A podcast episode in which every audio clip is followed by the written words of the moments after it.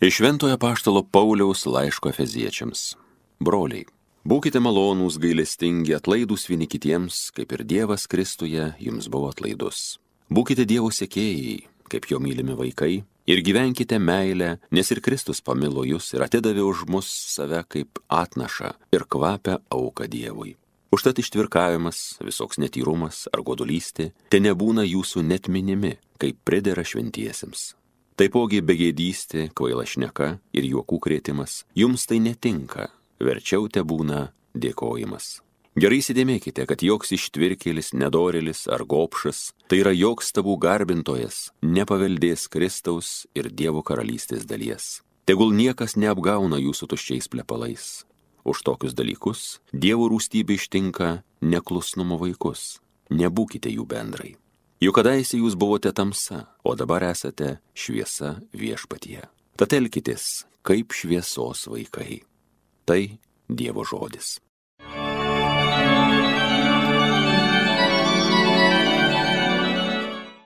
Būkite Dievo sekėjai, kaip jo mylimi vaikai.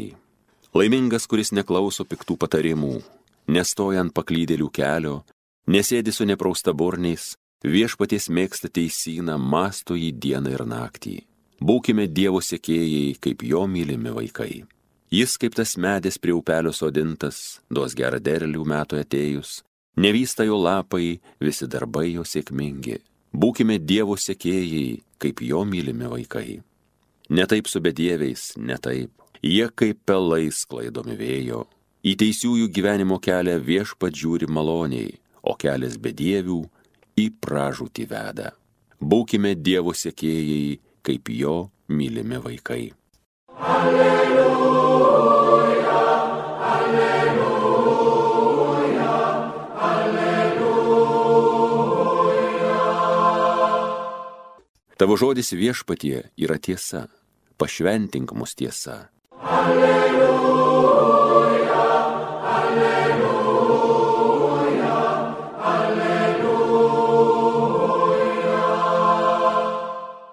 Viešpat su jumis.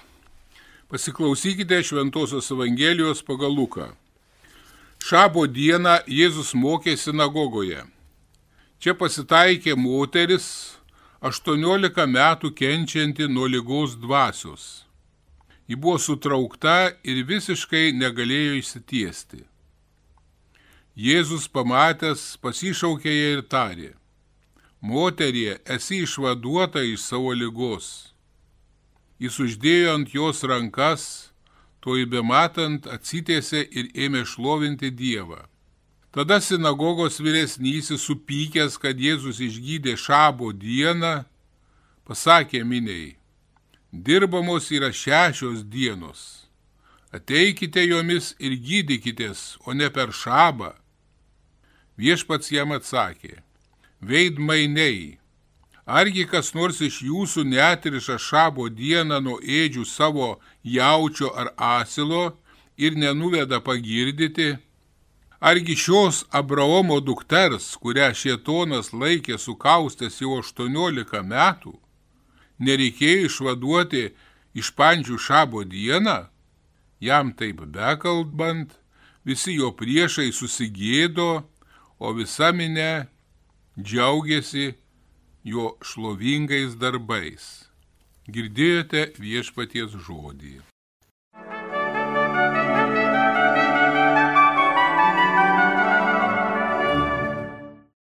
Mėly ir brangus, kiek daug pasaulyje sarga žmonių ir daugelis iš jų labai yra sunkiose situacijose.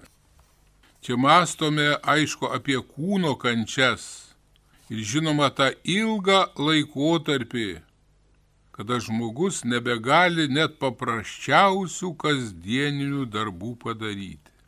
Taip gali atsitikti, kad žmonės pradeda net prakeikti pasaulį ir gyvenimą ir užsisklendžia savo dvasioje.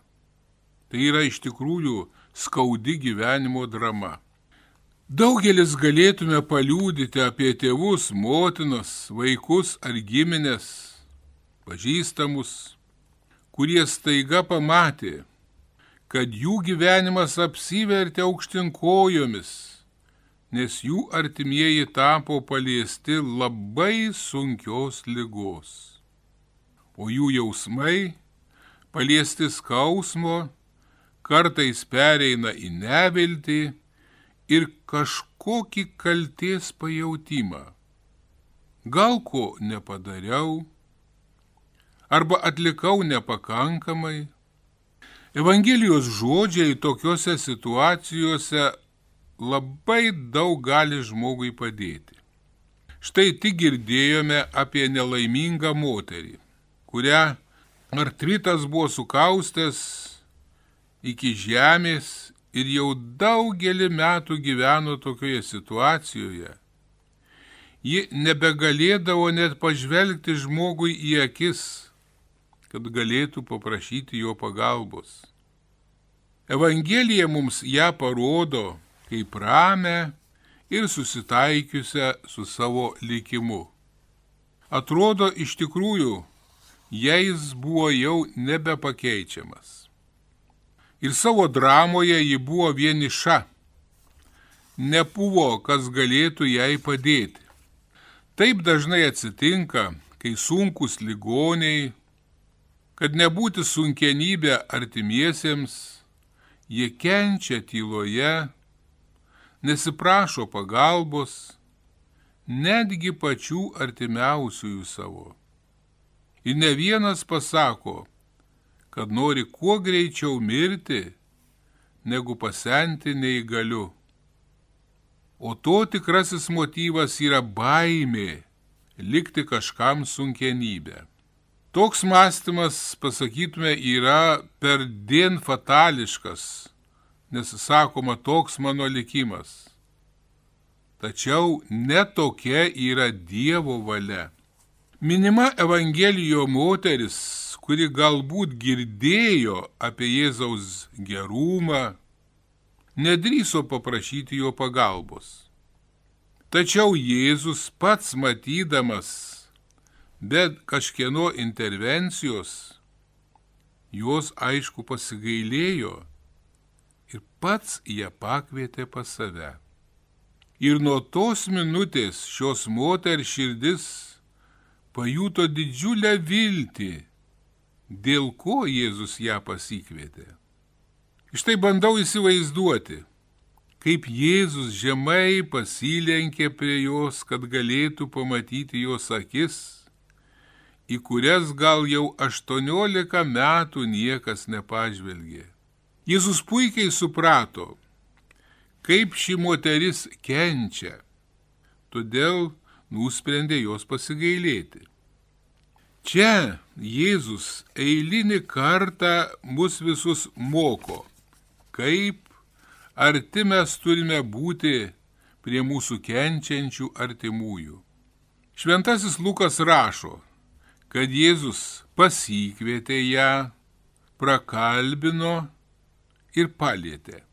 Tai didelio jautrumo žestas, kuris išlaisvina nuo vienišumo ir abejonių.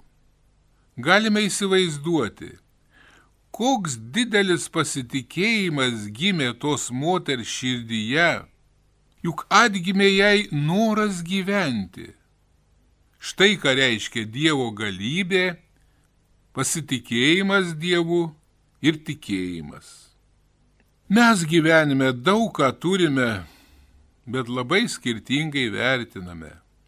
Štai brangus daiktai, brangi sveikata, gyvybė ir kiek tam išleidžiama įvairiausių gerybių, kiek laiko tam skiriama.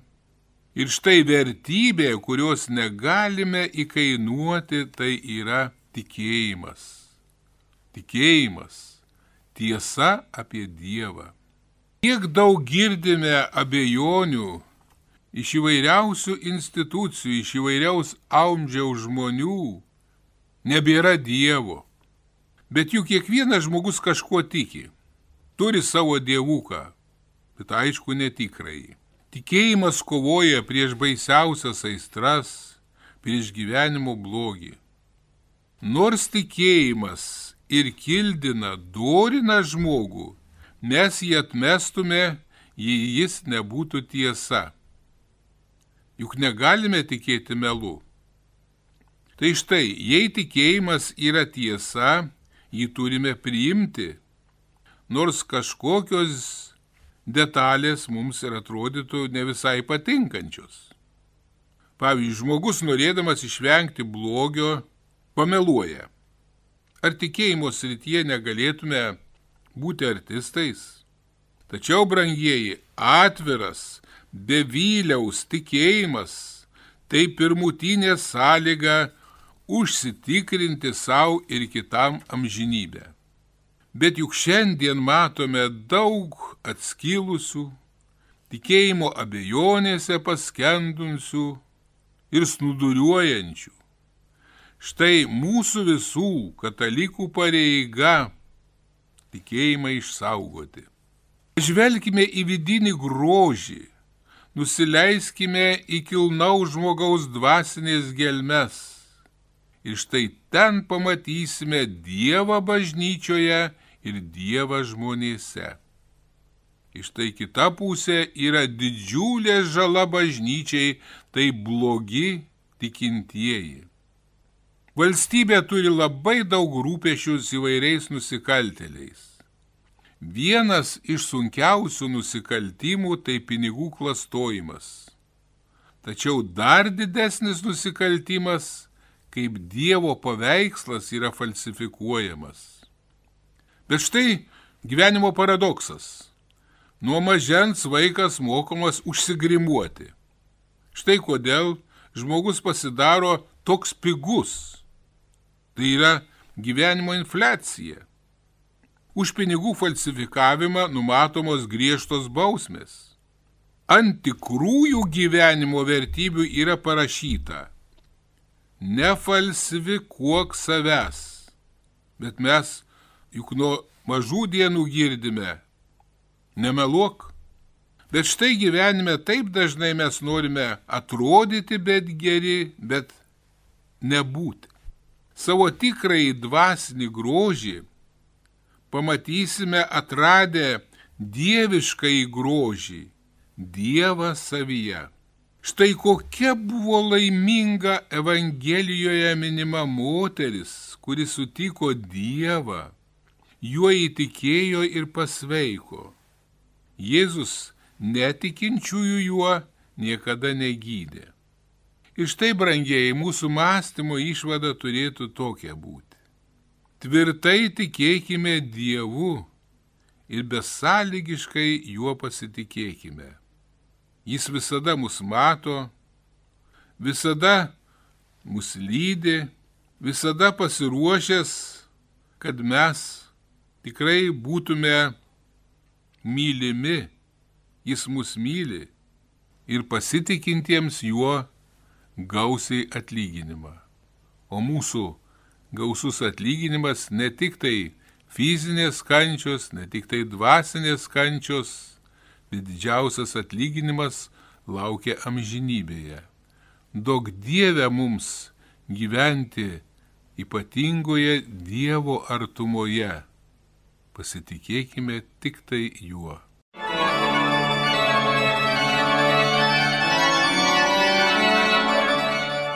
Homilija sakė profesorius, habilituotas teologijos mokslų daktaras, prelatas Vytautas Steponas Vaičiūnas.